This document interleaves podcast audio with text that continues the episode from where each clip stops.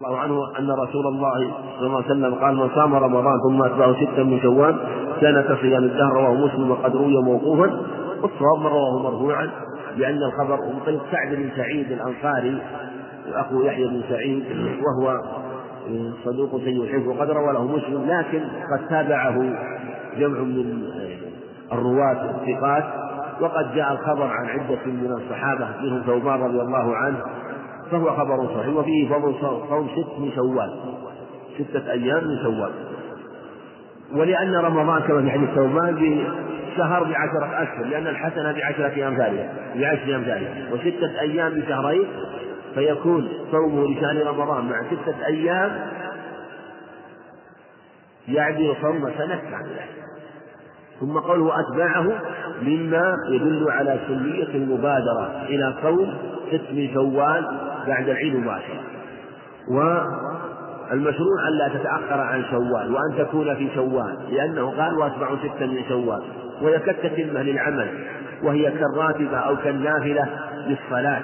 يعني هذه الأيام من جهة إلحاقها بصوم الفرض كالراتبة التي تلحق بالفريضة بالفريضة التي تتممها فهي تابعة لها وتكون بعدها قريبا منها في شهر شوال. وإن سردها سردا فهو أفضل لأنه مبادرة إليها ومسابقة وهكذا السنة في مثل الأعمال هذه أن تتابع. وإن فرقها في أيام شوال فلا بأس. المقصود أنه أنها تقع في شهر شوال. وعن أبي سعيد الخدري رضي الله عنه قال قال رسول الله صلى الله عليه وسلم ما من عبد يصوم يوما في سبيل الله إلا باعد الله بذلك اليوم وجهه عن النار سبعين خريفا. متفق عليه.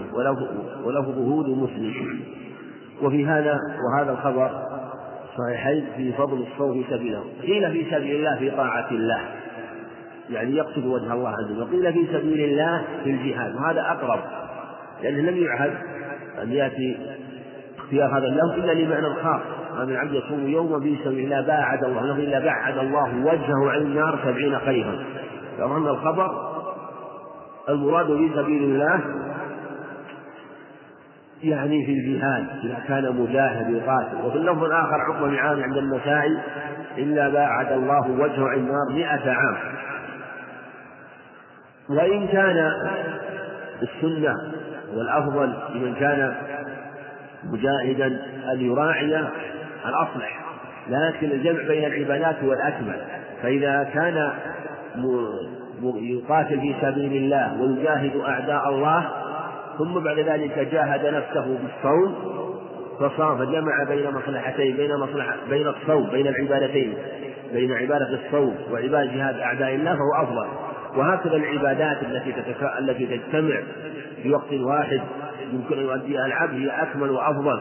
ولهذا العبد إذا ذكر الله عز وجل خاليا أو ذكر الله عز وجل خاشعا أو ذكر الله عز وجل منيبا مخبتا كان أفضل. وإن كان ذكر الله عز وجل وهو غير مقترن بهذه الأمور له أجر لكن إذا اقترن به عبادة أخرى من شدة الإقبال أو الخشوع أو ذكر الله يتحرى وقتا أفضل أو دعا الله عز وجل وهو يتحرى وقتا له له فضله فهو أكمل يعني يجمع بين أنواع من العبادات.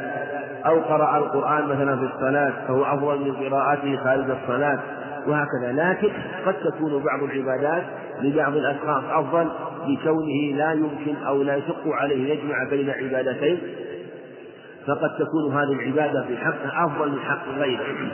وهذه قاعدة ذكر علماء وهو قد يكون العمل المفضول فاضلا بحسب الشخص وبحسب الزمان وبحسب المكان والأصل في فضل العبادة. مثل قراءة مثل الصلاة في أفضل من قراءة القرآن وقراءة القرآن أفضل من الذكر والذكر أفضل من الدعاء وهكذا. لكن قد قد قد يكون الدعاء لبعض الناس أفضل من الذكر وقد يكون الذكر لبعض الناس أفضل من قراءة القرآن وقد تكون قراءة القرآن أفضل من الصلاة. لو قال الإنسان أنا إذا عند ذكر الله عز وجل يحصل من الإخبات والخشوع والخضوع والانكسار بين يدي الله عز وجل. ما لا يحصل لي عند قراءة القرآن بل عند قراءة القرآن يحصل الهواجس والوساوس التي تجعله يعرض عن فهمه وتدبره وهذا لا يحصل أثناء قراءة أثناء الذكر. فنقول الذكر في حقه أفضل في حقه. وإن كان قراءة وإن كانت قراءة تكون أفضل من جهة العموم. وهكذا في سائر الأعمال هذه القاعدة. فالمقصود أنه إذا أمكن الجمع بين العبادات أفضل. وإن لم يمكن إلا أن يفرد هذه فينظر ما هو الأفضل في حقه. وعلى هذا من تيسر له أن يجمع بين عبادة الصوم وعبادة الجهاد سبيله وإذا كان الصوم يضعفه عن قتال أعداء الله أو ربما يحصل منه هو ضعف آه، أو يشق عليه مشقة شديدة فإن الأفضل له الفطر. ولهذا أمر عليه الصلاة والسلام أصحابه بالفطر وقال إنكم لاقوا لما قال إنكم ملاقوا العدو غدا فربما أنه يكون أفضل في في بعض الأحوال وإن كان القاعدة عامة أن جمع العبادات هو الأكمل والأفضل.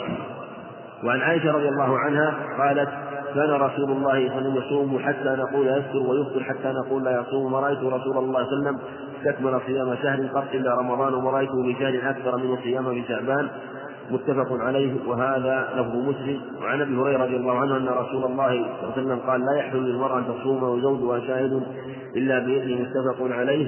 واللفظ للبخاري ولأبي داود غير رمضان. حديث عائشة فيه أنه عليه الصلاة والسلام كان يكثر من صيام شعبان. وفي لفظ آخر أنه ما رأيت أكثر ما أكثر منه صيام في رمضان في, شعبان. وفي لفظ أنه كان يصومه كله الذي يصومه إلا قليلا. في حديث أم سلمة أنه عند عند عند أهل السنن قالت كانت يصله برمضان. يصله برمضان والأخبار في هذا والألفاظ في هذا كثيرة ومجموعة يدل على أنه كان يكثر من صوم شعبان وكأنه كان يصوم أكثره. والعرب يقول صمته يعني صمت الليل مثلا صمته كله قمت الليل كله وليس المراد أن يستغرق جميع أجزاء الليل بالصلاة لا. المراد الأغلب ولهذا كما قال عبد المبارك قد يقول صمت الليل كله وقد استغرق وقد ذهب بعض الليل مثلا في طعام أو في شرب ماء أو في استراحة أو استراحة قليلا فهذا أسلوب معروف عند العرب. ثم جاءت الرواية الأخرى صريحة أنه لم يستكمل صوم شعبان إنما كان يكثر منه ولهذا ما استكمل شهرا كاملا إلا شهر رمضان عليه الصلاة والسلام. فيه فضل صوم شعبان وأنه كان يصوم عليه الصلاة والسلام. وكذلك مر معنا أن أن أفضل الصيام بعد رمضان هو شهر الله المحرم وأن صيامه أفضل وأنه عليه الصلاة والسلام. ربما لم يتيسر له الصوم في المحرم فيأتي هذا الشهر شهر شعبان وكان يستقبل رمضان في فربما صام ما فاته وربما صام كثيرا منه بقصد هذا الشهر. و وكأنه والله أعلم إما من باب تعظيم شهر رمضان أو من باب كما كما قال بعض العلماء من باب النافلة قبل شهر هذا الصوم قبل صوم رمضان كما أنه يشرع أن يصلى قبل الصلاة الفريضة ما تيسر من النافلة فكذلك صومه قبل رمضان. وهذا كما سبق بشرط أن لا يكون صومه في آخر شعبان أو بعد النصف. بل لا بد أن يكون ابتداؤه إما قبل النصف قبل نصف شعبان بما سيأتي في الخبر أنه عليه قال إذا شعبان فلا تصوموا حتى تصوموا رمضان. حديث هريرة لا يحل المرأة أن تصوم وهو شاهد إلا بإذنه. وفي اللفظ الآخر غير رمضان. ويدل على أن المرأة لا يجوز لها أن تصوم إلا بإذن زوجها. المراد بإذنه العرفي أو إذنها مرتي أن يأذن لها صراحة أو كانت تعلم منها أنه لا يحب ذلك ولا يكره ذلك فلا بأس أن تصوم. فالمقصود أنها لا تصوم. تطوع إلا بإذنه اللفظ الآخر وهو وفي هذا اللفظ هو شاهد. يفهم من أنه إذا كان غائب لا بأس. إذا كان مسافر فلا بأس وأنه لا يحتاج إلى الإذن. إنما إذا كان حاضرا. واللفظ الصحيح عام.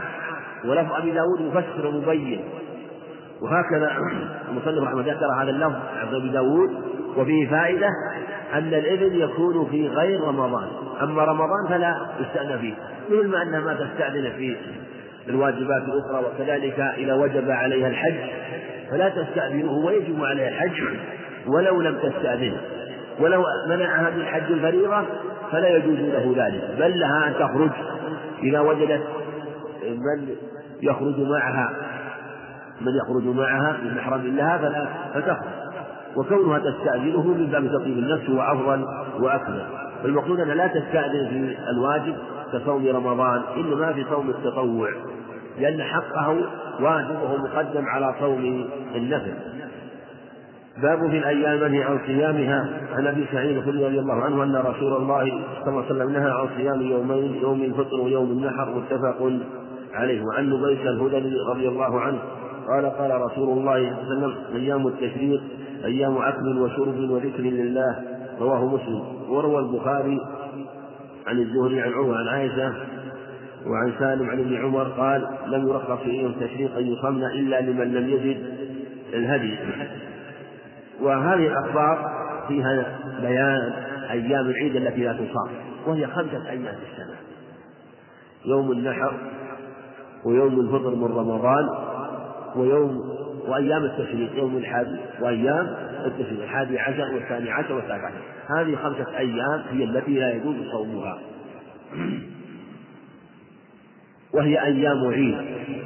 وصحت الأخبار عن سعيد الخدري وعمر الخطاب وغيرهم أنه عليه الصلاة والسلام نهى عن صيامها فهي أيام عيد وأيام أكل وشرب وذكر لله عز وجل فلا تصام حديث عقبة بن عامر يوم عرفة ويوم النحر وأيام التشريق أيام ذكر أيام أكل وشرب وذكر الله عز وجل. اللفظ الآخر هو بيعان وثبت معناه أيضا في صحيح مسلم عن كعب بن مالك أنه قال في أيام التشريق أنها أيام أكل وشرب. هذه أيام لا تصام. ولو صام في هذا اليوم فلا يصح صومه خاصة في يوم النحر ويوم الفطر. لا يصح صومه. ولو نذر صومه فلا يصح. وكذلك لو نذر صوم نذر صوما يوم يقدم فلان فقدم في يوم عيد الفطر أو عيد النحر فإنه لا يصح صومه لأنه يوم عيد وأجمع العلماء في هذين اليومين يوم النحر والفطر أنهما لا يجوز أنه لا يجوز صومهما. وأيام التشريق أيضا ملحقة بها لهذه الأخبار وأنها لا تصام الحادي عشر والثاني عشر والثالث عشر. وفي حديث ابن عمر وعائشة أنه يجوز صومها لمن لم يجد الهدي. من لم يجد الهدي وهو متمتع أو قارن فإنه عليه أن يصوم ثلاثة أيام والسنة أن تكون قبل الحج. وصيام ثلاثة أيام الحج وسبعة إذا رجعت يعني إذا رجع إلى أهله إذا رجع إلى أهله وصل ليس في طريقه. فثلاثة أيام فمن لم يجد الهدي فالسنة في حقه أن يصوم قبل الحج. السادس والسابع والثامن أو قبله مثلا من أول شهر الحجة. فإذا كان متمتع وأخذ عمرة فمنذ دخل في العمرة فهو داخل في الحج. فإذا صام فإذا صام بعد دخوله في العمرة أو صام بعد فراغه من العمرة بعد تحلله فلا بأس فهو في الحج. وكذلك لو كان قارنا ولم يجد الهدي فيصوم ثلاث أيام. وإن لم يتيسر له صومها قبل الحج فيصومها في أيام التشريق الحادي عشر والثاني عشر والثالث عشر. فإن لم يتيسر له صومها في الحج صام عشرة أيام إذا رجع إلى أهله. المقصود أن هذه الأيام ثلاثة مستثناءات من تحريم الصوم في حق من لم يجد الهدي لقول ابن عباس بن عمر وعائشة لم يرخص. وهذا مرفوع عند أهل العلم. لم لأن الترخيص والإذن والتشريع منه عليه الصلاة والسلام.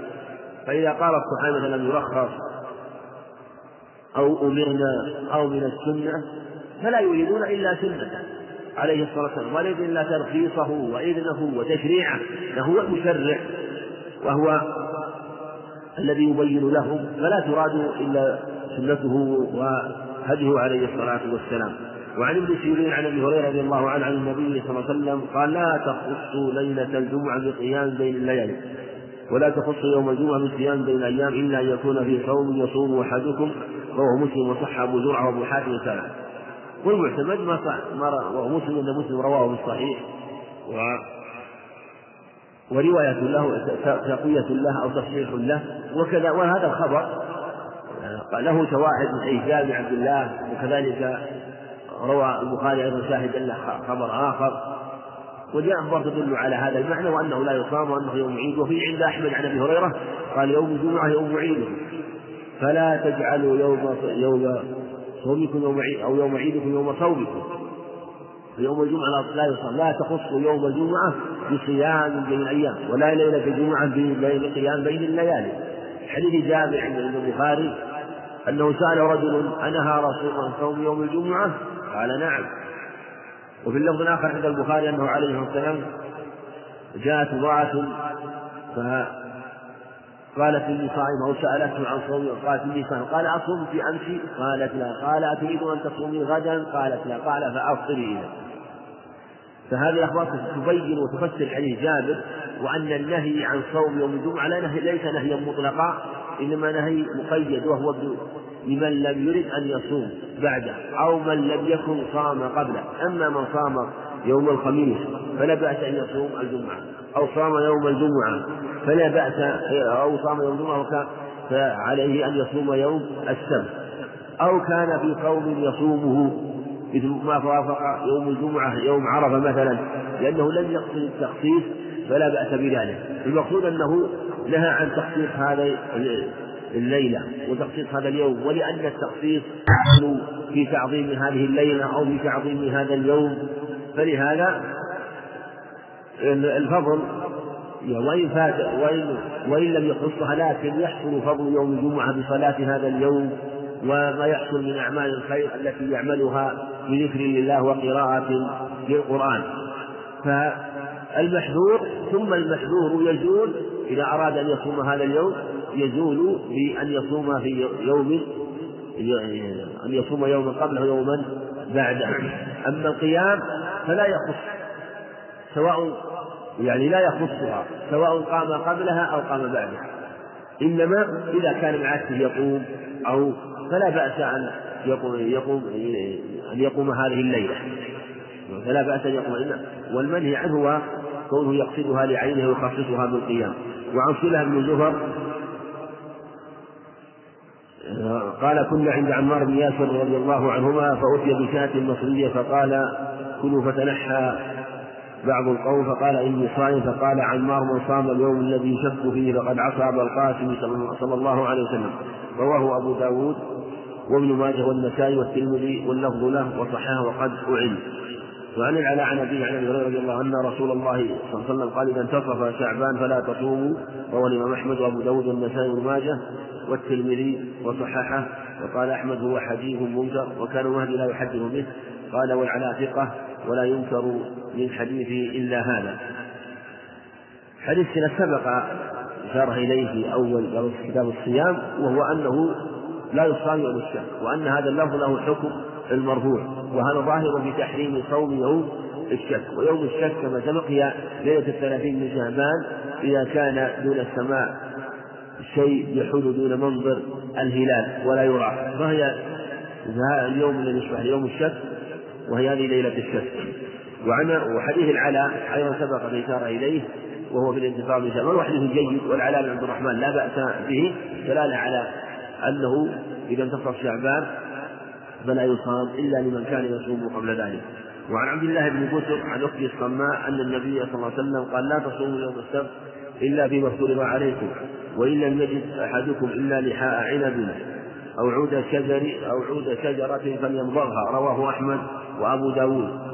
وهذا لفظه وابن ماجه والنسائي والترمذي وحسنه والحاكم وصححه وزعم أبو داود أنه منسوب وقال مالك وكذب وفي ذلك نظر والله أعلم.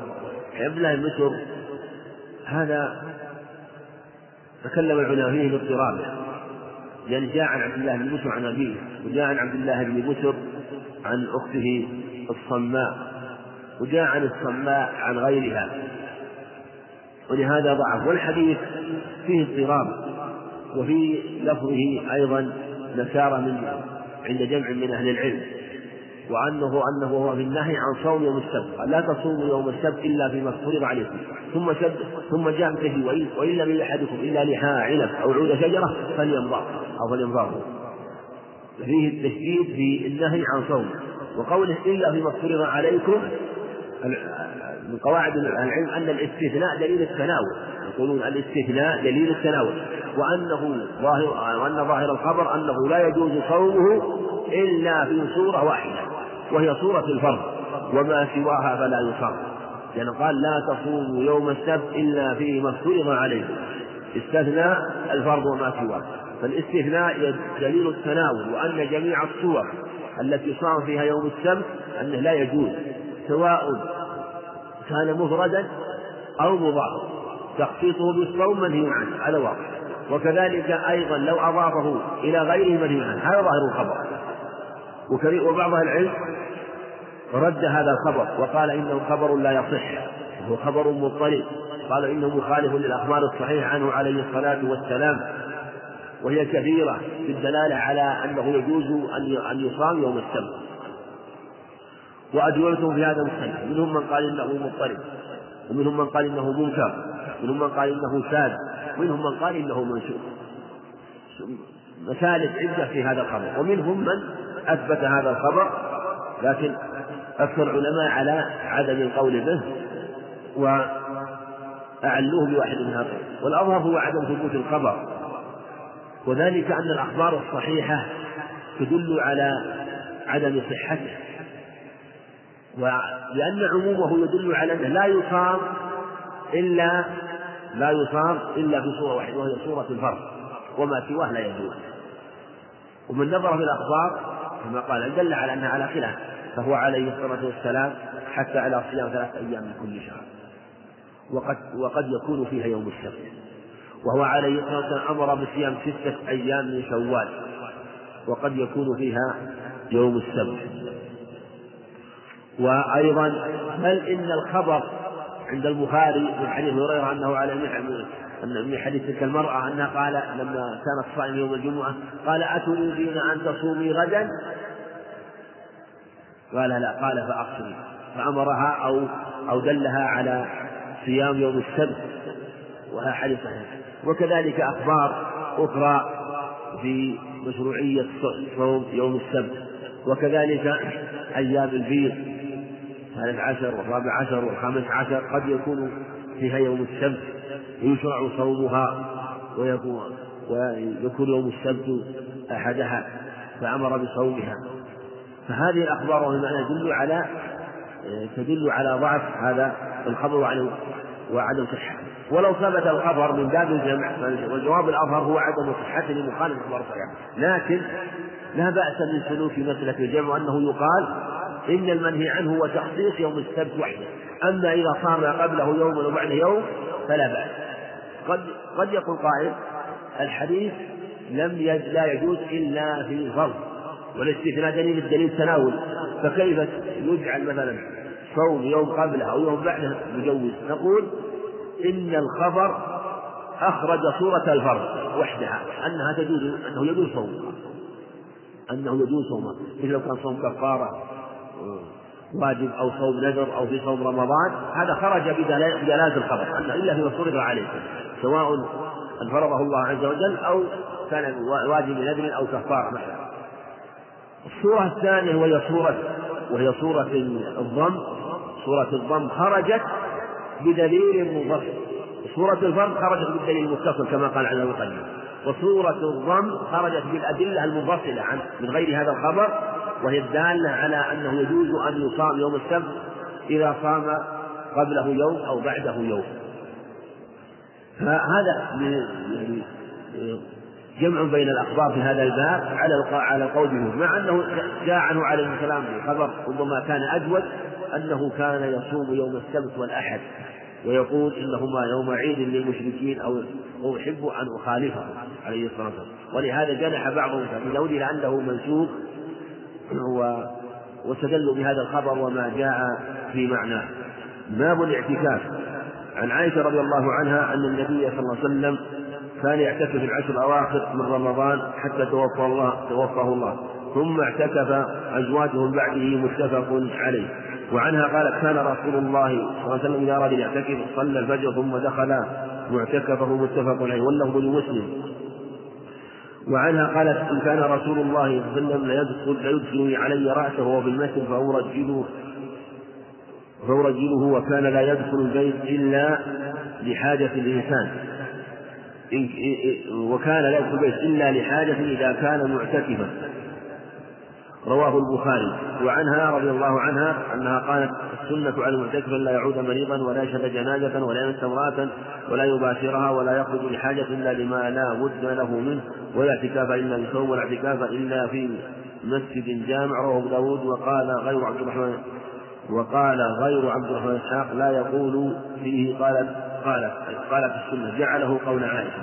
وعن ابن عباس رضي الله عنهما أن النبي صلى الله عليه وسلم قال ليس على المعتكف الصيام إلا أن يجعله على نفسه وهو الدار قطي والحاكم والصحيح أنه موقوف ورفعه وهم.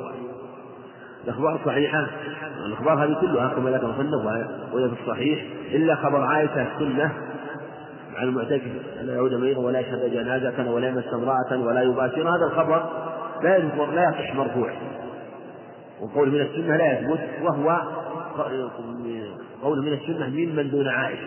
وصح جمع من الحفاظ كابن عبد البر والبيهقي أنه من قول الزهري. أن هذا من قول الزهري وأن عبد الرحمن إسحاق رفعه وقد وهم فيه وليس من كلام عائشة رضي الله عنها.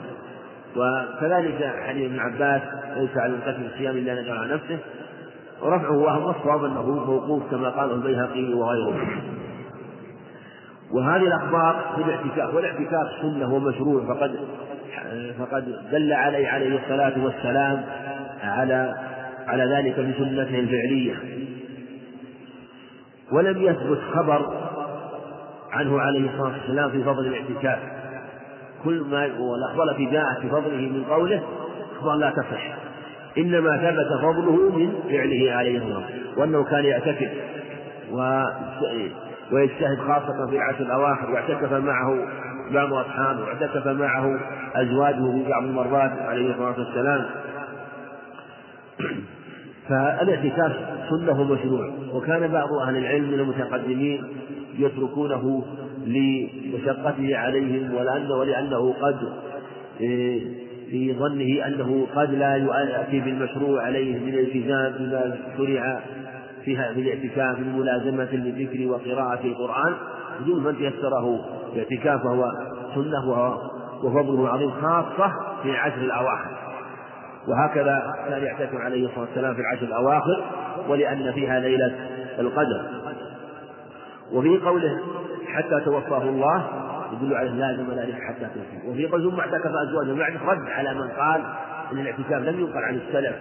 بمشقته وشدته وفي هذا أن أزواجه كل يعتكفن بعده. وهكذا أصحابه رضي الله عنه عن الجميع. فلما كان من هديه وسنته الفعلية أي شرع الاقتداء به في ذلك. وحديثها الثاني رضي الله عنها أنها قالت تصفوا كيفية اعتكافه أنه كان يعتكف إذا أو يدخل معتكفه إذا طال إذا صلى الفجر عليه الصلاة والسلام.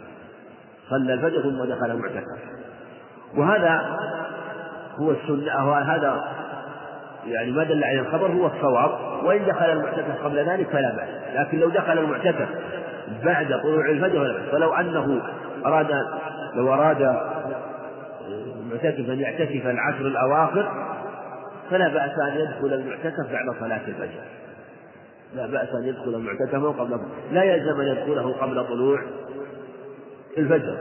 فلو أراد أراد أن يعتكف يوما فدخل بعد الفجر يكتب له يكون له اعتكاف يوم. ولا يلزم أن يدخل قبل طلوع الفجر ويستمر ثم بعد ذلك يكمل اعتكافه من جهة أنهم قالوا إنه لا يحصل اعتكاف يوم إلا إذا اعتكف بعد طلوع الفجر. وهكذا لو نذر اعتكاف يوم الصحيح أنه يجزئه أن يعتكف بعد طلوع الفجر.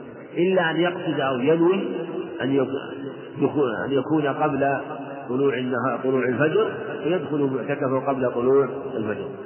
وقولهم والجمهور تأولوا أنه قولها رضي الله عنها أنها قالت كان يعتكف يدخل معتكفه على طلوع الفجر. تأولوه على أنه يدخل المعتكف في المكان الذي خصه الاعتكاف.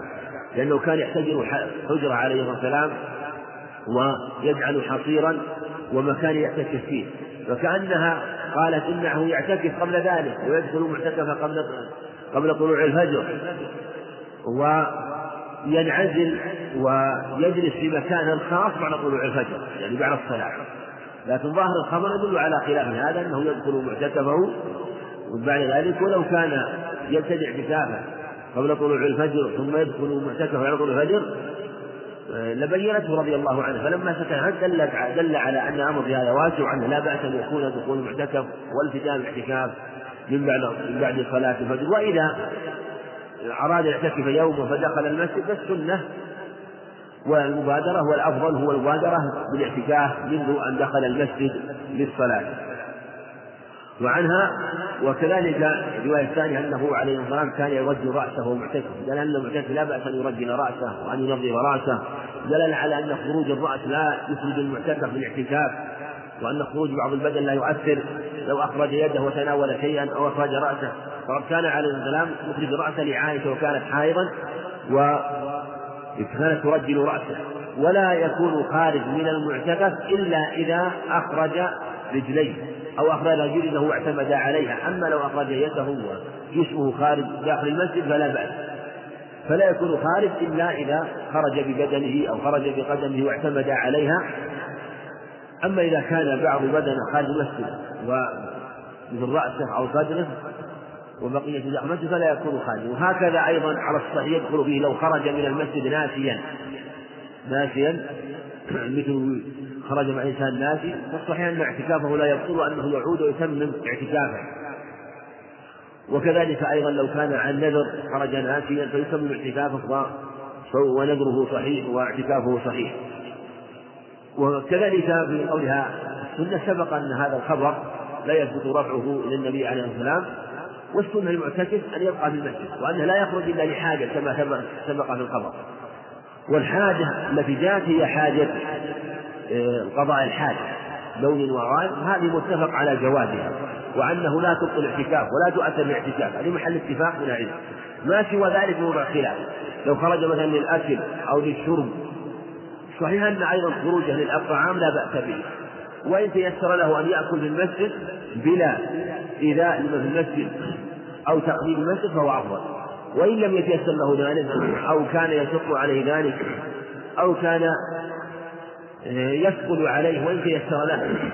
لا يتهيأ له أن يتناول طعام على الوجه المطلوب فلا بأس أن يخرج إلى إلى بيته أو إذا لم يكن بيت قريب يخرج إلى إلى مكان الطعام مطعم قريب فيتناول طعام فلا بأس. وإذا خرج لا يستعجل ولا يركض بل أن يمشي على الهوينة ويأكل طعامه مطمئنا حتى يقضي حاجته من طعامه وكذلك طعامه ثم يرجع. وإذا خرج وأراد من بيته وأراد أيضا يعني أن يتنظف فلا بأس يعني يغير ملابسه فلا بأس بذلك مما يعينه على العبادة فلا بأس بذلك. باب في ليلة القدر. عن ابن عمر رضي الله عنهما أن أن رجالا من أصحاب رسول الله صلى الله عليه وسلم قروا ليلة القدر في المنام في السبع الأواخر. فقال رسول الله صلى الله عليه وسلم قد تواطأت السبع الأواخر ومن كان متحديها فليتحرها في السبع الأواخر متفق عليه. وعن أبي سعيد الخدري رضي الله عنه قال اعتكفنا مع النبي صلى الله عليه وسلم العشر الأوسط من رمضان فخرج صبيحة عشرين. فخطبنا وقال إني أريد ليلة القدر ثم أنشيتها أو قال نسيتها فالتمسوها في العشر في العشر الأواخر في الوتر.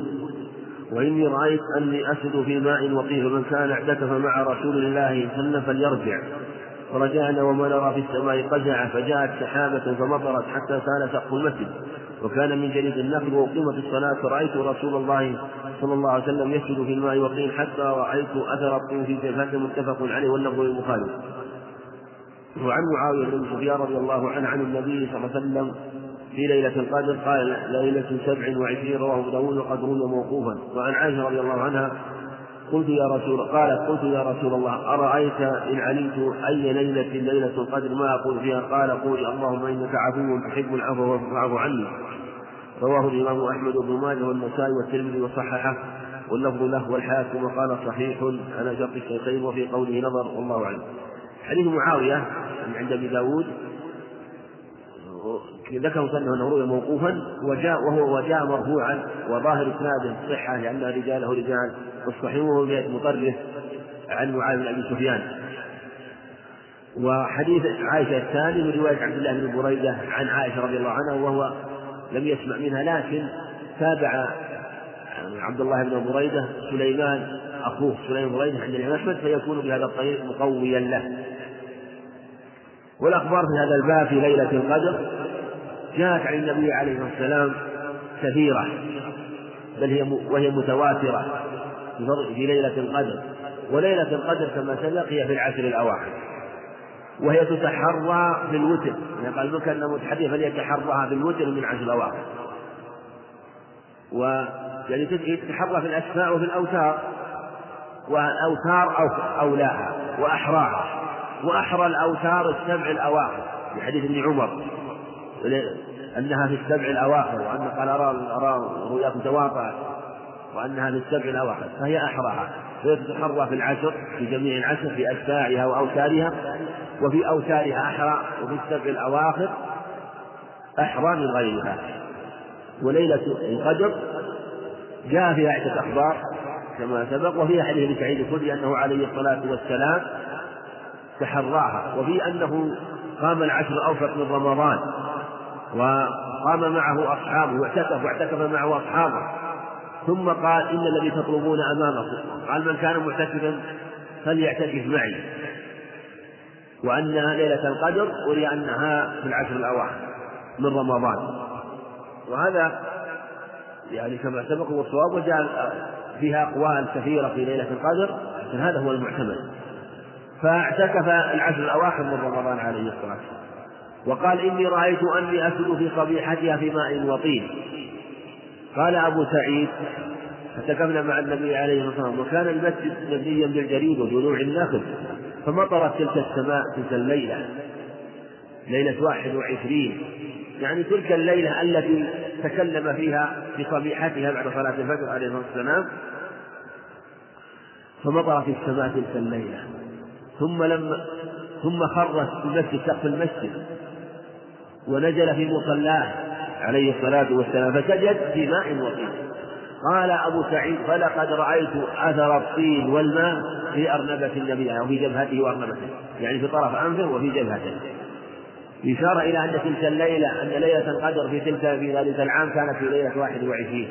وفي أنه كان لا يمسح جبهته عليه الصلاة والسلام في صلاته لأنه بقى أبقى الأثر مع أنه كان أثر ما أطيل لأنه أثر عبادة. وثبت في صحيح مسلم أنه لما جاءه ذلك الرجل وأمره قال قال يا رسول الله مرني بليلة كان خارج المدينة مرني بليلة أنزل فيها يعني إلى المدينة إلى المسجد يريد أن يأمره بليلة يأتي إلى مسجده فيعتكف أو يقود تلك الليلة. فقال انزل ليلة ثلاث وعشرين. ودله على أنها ليلة ثلاث وعشرين.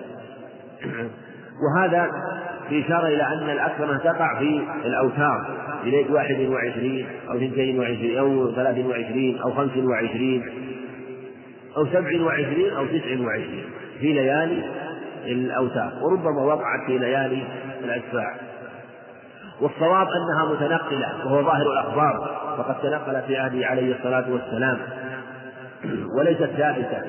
وما جاء من الأخبار أنها ليلة 27 تحديد معاوية وما جاء في معناه وبعضها أخبار جيدة ليس فيها أنها ثابتة في ليلة 27 إنما كما جاء في بعض الأخبار أنها ليلة 21 أو أنها وقع كانت في ليلة 21 فكأنها وقعت في بعض الأيام ليلة 27 أو أنه أخبر أن ليلة القدر ليلة 27 أو أن أن بعض العلامات دلت عليها فأخبر بأنها ليلة 27 وربما وقعت في هذه الليلة وربما وقعت في غيرها فهي ليلة من الليالي آه، تتحرى فيها ليلة القدر.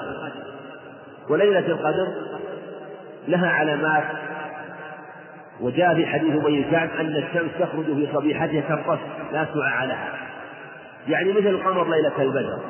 مثل القمر ليلة البدر والقمر لا يكون للشعاع ليلة البدر لا يكون له نور يسطع أو يخرج من الشعاع فكذلك كالقصر يعني مدورة لا يخرج منها شعاع. هذه من علاماتها. وكان أبي بن كعب يحلف أنها ليلة سبع وعشرين. وكان ابن مسعود يقول من يقم من يقم الحوض يصيبها ولم يحدثها بليلها رضي الله عنه. وكأن أبي بن كعب اجتهد ورأى أنها ليلة سبع وعشرين أو أنه رآها وقعت في ليلة من الليالي فاستصحب الحكم ورأى أنها في أنها اليقين وقعت في هذه الليلة في هذا العام فتكون في العام الأعوام التي بعدها والصواب ما دلت عليه الأخبار أنها ليلة سبع وعشرين وأن أنها تتنقل في ليلة سبع وعشرين وفي غيرها من الليالي. والعلامات هذه أصح ما سبق فيها أصح ما جاء فيها ما سبق من خبر. وجاء عند أحمد وغيره أنها ليلة لا حارة ولا باردة ثلجة طلقة وأنها جاء أنه لا يحل أن يرمى فيها والخبر فيه انقطاع في ثبوت نظر هو بالجملة هي لا تكون علاماتها في الغالب يعني علاماتها الواضحة هي بعد فواتها وهي طلوع الشمس صبيحتها أما العلامات التي جاءت في ليلتها بعض العلماء أثبتها وهي ربما يستدل بها إن ثبتت الأخبار في تلك الليلة أو تكون قرينة على أن الليلة ليلة القدر. ولهذا من أجل أن أن يجتهد فيها أمر عليه الصلاة والسلام بقيامها بالاجتهاد في قيامها ولا يكون إلا بالاجتهاد في أيام العشر الأواخر من رمضان. نعم وحديث عائشة الأخير أنها قالت أرأيت إذا صرت ليلة القدر أو أن علمت ليلة القدر أي ليلة هي ماذا أقول قال قولي اللهم إنك عفو تحب العفو فاعف عني. في فضيلة هذا الدعاء في تلك الليلة وأن يسأل سبحانه وتعالى العفو. ومن أعظم الأدعية أن يسأل سبحانه وتعالى. فمن عفى الله عنه فهو فهو على خير عظيم. ومن سأل الله واجتهد فهو حري بأن يجاب خاصة في مثل هذه الليلة. ويقال هذا الدعاء وغيره من الأدعية لكن يكثر من هذا الدعاء لأنه أوصى به. حبه عائشة رضي الله عنها وقال قول اللهم إنك عفو تحب العفو فاعف عني والله أعلم. يقف على كتاب الحج. وبهذا العدد يكون قد انتصف الكتاب. حسب العدة الموجودة هنا. نعم. نعم. حديث الاعتكاف مساجد الثلاثة حديث حذيفة هذا. حذيفة أنه رضي الله عنه قال حديث إمام حذيفة لا اعتكاف إلا في المساجد الثلاثة والصواب أنه لا لا يصح مرفوع الصواب أنه موقوف. قد رواه سعيد وعبد الرزاق وعبد سعيد بن منصور عبد الرزاق والصواب أنه موقوف. وقد جاء مرفوعا الأقرب عدم رفعه وما يدل على عدم رفعه هو أنه لا يصح مرفوع أنه جاء أن حذيفة رضي الله عنه قال لعبد الله بن مسعود رأيت قوما عكوف بين دارك ودار الأشعري. يعني أنهم معتكفون في المسجد بين الذي بين ذلك ودار الأشعري. ومسجد ومسجده ليس واحدا من هذه الثلاثة.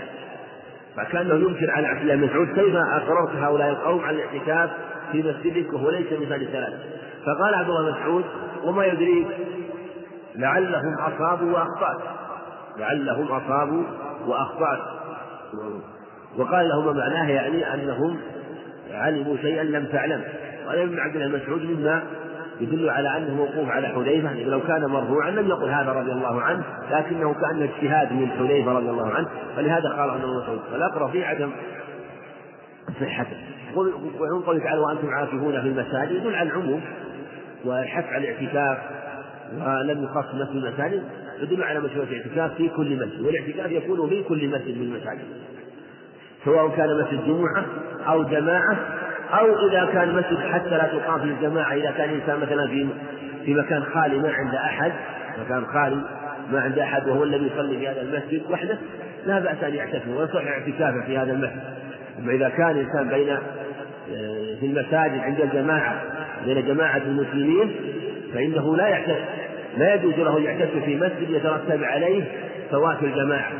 بل يجب إذا أراد يعتكف يعتكف في مسجد تقام فيه الجماعة ولأن نص العلماء أنه اللي اعتكف مدة تفوت فيها الجمعة يرى أن يعتكف مثلا في مسجد تقام فيه الجماعة ولا تقام فيه الجمعة فحضر في الجمعة يجب عليه أن يخرج إلى الجمعة ثم يعود إلى مسجده الذي نذر الاعتكاف فيه. أحسن الله إليكم الشيخ. يقول السائل هل يجوز للرجل الأجنبي أن يحمل جنازة امرأة وتنزيلها في القبر؟ لا بأس لا بأس بذلك مثل ما جاء أن أنه عليه الصلاة والسلام لما في جنازة ابنته قال عليه الصلاة والسلام أيكم لم يقارب تلك الليلة؟ يكن لم يقارب؟ أو, أو, فتنحى عثمان رضي الله عنه وزوجها ثم قال أبو طلحة أنا. فأنزلها. فلا فلا بأس أن ينزله. وفي الغالب أن الجنائز ينزلها الرجال فقد يحروا محارمه وقد يكون قد يكونون أجنبيين فينزلونها. نعم.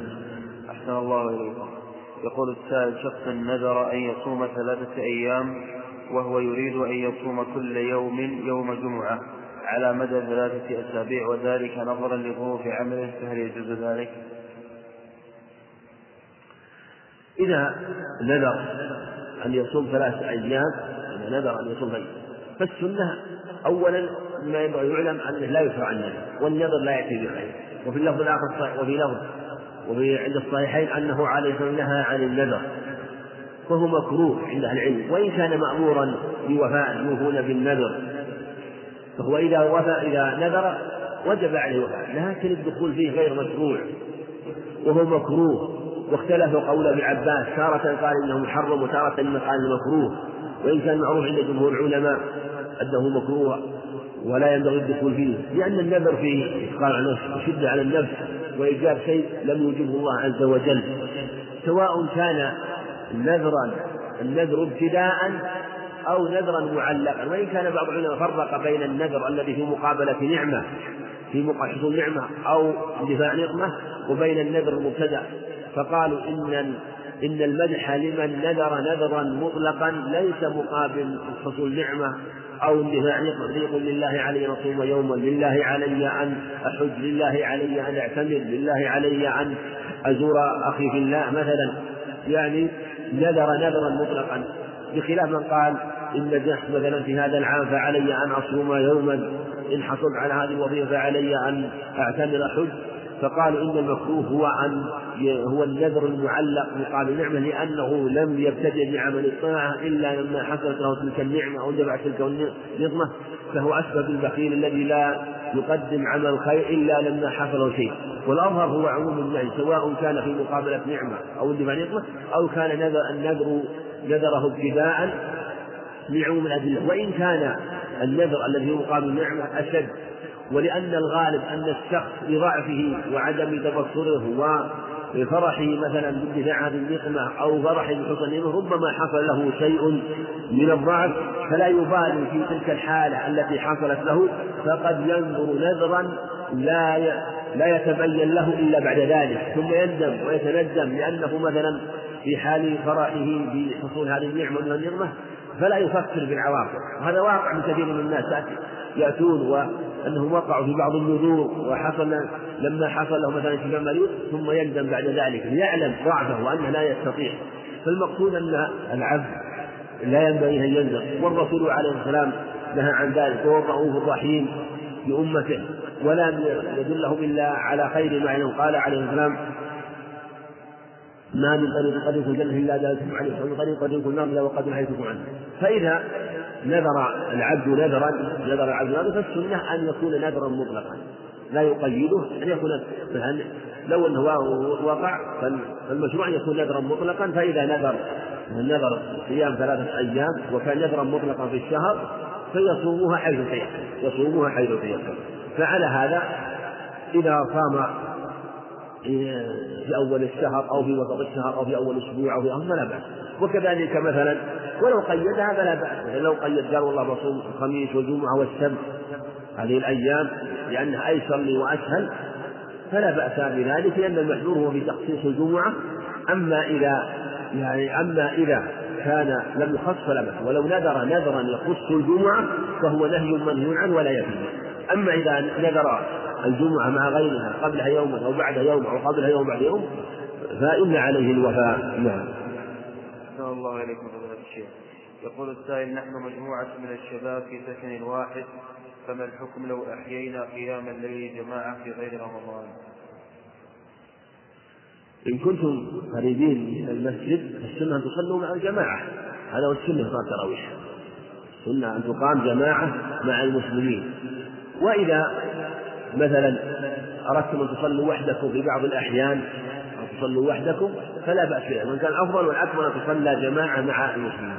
أو إذا صليتم مثلا جماعة ثم أردتم أن تجيبوا تصلوا وحدكم فلا بأس. فصلاة الجماعة نافلة لا بأس بها بشرطين. صلاة الجماعة نافلة بشرطين. الشرط الأول ألا تتخذ شعارا ظاهرا. ألا تتخذ شعارا ظاهرا وأن تقام في المساجد مثلا أو تقام مثلا في ممر الناس أمام الناس جماعة شعار ظاهر. الشرط الثاني أن لا يداوم عليه. فإذا أراد قول جماعة أن يصلوا صلاة جماعة في رمضان في رمضان أو غير رمضان. ولم صلوا مثلا ليلة وتركوا عدة ليالي أو صلوا ليلة وتركوا ليلة ولم تكن ظاهرة في المساجد فلا بأس. وقد ثبت في عدة أخبار صحيحة أنه عليه الصلاة والسلام صلى جماعة صلى جماعة مرة هو جابر وجبار وصلى جبار بن صخر وجامع الله وصلى مرة جماعة هو ابن عباس وصلى مرة جماعة هو حذيفة رضي الله عنه وصلى مرة جماعة هو وابن مسعود وصلى مرة جماعة في بيت عتبان بن مالك عليه الصلاة والسلام. فهذه أخبار صحيحة ومرة صلى في بيت أم سليم جاءه ضحى فصلى صلى وكان أنس معه وكان أنس وضميرة اليتيم خلفه وأم سليم خلفه وكلها حديث آه، في الصحيحين حديث جابر وجبار صخر في صحيح مسلم مما يدل على مشروع على لا بأس لكن لم يكن من هدي وسنته أنه يصليها دائما وربما صلى ضحى صلى ضحى كما بذلك الرجل دعاه إلى بيته وقال أريد أن أتخذ مكانا يصلي فيه يجب يصلي فصلى به ضحى عليه الصلاة والسلام نعم. يقول السائل إذا دعا الزوج زوجته وهو وهي في صلاة النافلة فهل تتم الصلاة أم تجيبه وتقطع الصلاة؟ الله أعلم ثبت في الخبر صحيح البخاري أنه أن جريج كان يصلي فدعته أمه. دعته أمه فلم يجبها. ثم دعته فلم يجبها. ثم دعته فلم يجبها. وكان يصلي وكان رجلا عابدا.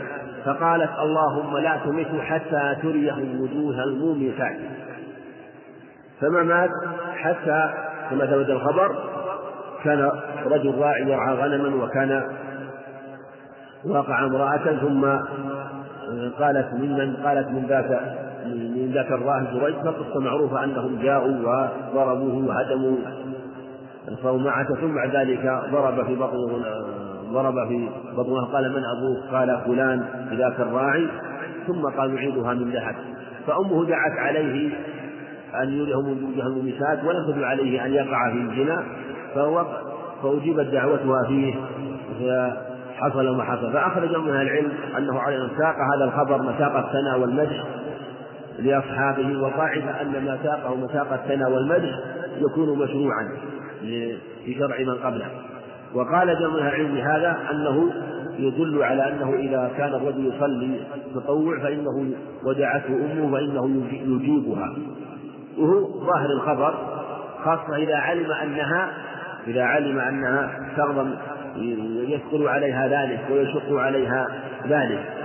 فهذا ورد في حق في حق الأم ورد في حق الأم أما في حق الزوجة وإن كان حق الزوجة حق الزوج على زوجته أيضا عظيما وخدمته ومنفعة يقدم على النافع على النافع لكن إن كان إن كان هو أذن لها إن كان أذن لها ودخلت فيه في الصلاة أو كان من عادتها أن تصلي وهو يرخص لها ويأذن فالأفضل إتمام الصلاة. لكن إن لم يكن يأذن لها بذلك وهي تقدم على هذه الصلاة وهي لم تستأذنه وربما احتاج فإجابتها هي المتعينة عليها. نعم.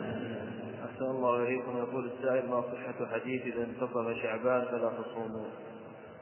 هذا سبق إشارة إليه وأنه لا بأس به وأن العلامة عبد الرحمن بن يعقوب مولى الحرقة لا بأس به. وأنه وهو من رجال مسلم فالحديث أقل الأحوال أن يكون حسنا. نعم. أحسن الله إليكم يقول السائل ما حكم الاعتكاف في المسجد في غير شهر رمضان وما أقله؟ الاعتكاف مشروع في رمضان وفي غير رمضان. مشروع في جميع الأحوال في رمضان وفي غير رمضان. إنما المنقول أنه عليه اعتكف في رمضان وثبت أنه اعتكف في عشر شوال في الصحيحين لأنه لما ترك الاعتكاف في عشر من رمضان ولما اعتكف أزواجه معه فقال آل بر أرد وفي لفظ أتقولون البر أرد فأمر ببنائه وقوه وأمر ببناء عائشة وحفصة وزينب أن يقوض لأنهن حصل منهن الغير رضي الله عنه عنهن. فأمر بعدم الأبنية تلك التي بنيناها ثم اعتكف عشرا من شوال في دلالة على أنه كان يعتكف في غير رمضان. أما أقله لم يأتي شيء واضح أصح ما ورد في هذا قصة عمر رضي الله عنه حينما نذر أن يعتكف قال نذرت أن أعتكف ليلة في الجاهلية. قال عليه الصلاة والسلام أو في بنذره فاعتكف ليلة وفي لفظ فاعتكف يوما. فالأفضل والسنة أن لا يقل اعتكاف عن ليلة أو عن يوم والأفضل أن يكون يوم وليلة. فإذا اعتكف ليلا أو نهارا ليلا كان نهارا كاملا فهو موافق لما جاء عمر رضي الله عنه. نعم. أحسن الله إليكم. يقول السائل يواجه بعض طلبة العلم بعض الصعوبات. مع آبائهم أو أمهاتهم فهل تستطيع فلا تستطيع الفتاة الالتزام بالحجاب الكامل ولا يستطيع الشاب إعفاء لحيته أو تقصير ثوبه فهل يكونون مكرهين؟ الله أعلم ينظر مكره يعود إليه. والواجب على المكلف الالتزام بأحكام الشرع. ولا طاعة لمخلوق في معصية الخالق في إعفاء لحيته وكذلك في رفع ثيابه فوق الكعب. هذه لا طاعة لا لوالد ولا لوالد. لكن إذا كان والده أو والدته مخالفان في ذلك فعليه أن يبين لهم السنة وأن يقنعهم بذلك. لا يشتد الإنكار عليهم يبين لهم ويوضح لهم أنه في ذلك لا يريد عصيانهم ولا يريد مخالفتهم إنما هو أمر الله وأمر رسوله عليه الصلاة والسلام. هذا هو الواجب عليه. فإذا أصروا على ذلك فلا طاعة لهم في ذلك. وأصروا على أمره. أمره والد أن يحلق لحيته أو والدته أو أو أمره بأن يسبل ثوبه والصحيح أن الإسبال محرم أو غيرها من المحرمات إنما يداريه. يداريهم ويبين لهم ويجتهد لهم في الدعاء. فإذا داراهم بالفعل والقول واجتهد لهم بالدعاء بذلك لعل الله أن يهديهم وهكذا الفتاة التي في الحجاب إذا كانت يخالفها والدها عليها تبين وأن الحجاب أمر من الشارع والأدلة في هذا صريحة وواضحة ولما يترتب عليه من الشر والفتنة. فلا يجوز فلا تطيعه في ذلك. فالمقصود أنها لا لا يعني يعاندون ولا يشاكس معهم مشاكسة التي تفضي إلى الشر ولا يطاعون في ذلك بل يسلك المسلك الذي فيه تحصيل الخير ودفع الشر. نعم.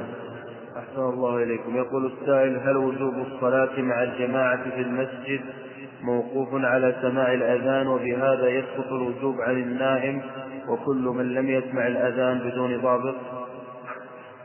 الواجب الجماعة تجب على من علم بها سواء أذن أو لم يؤذن سواء سمع الأذان أم لم يسمع أم لم يسمع. فإذا علم أن الجماعة قد حضرت أو أن الوقت قد دخل وأن الجماعة يصلون في هذا المسجد وجب عليه الحضور لصلاة الجماعة.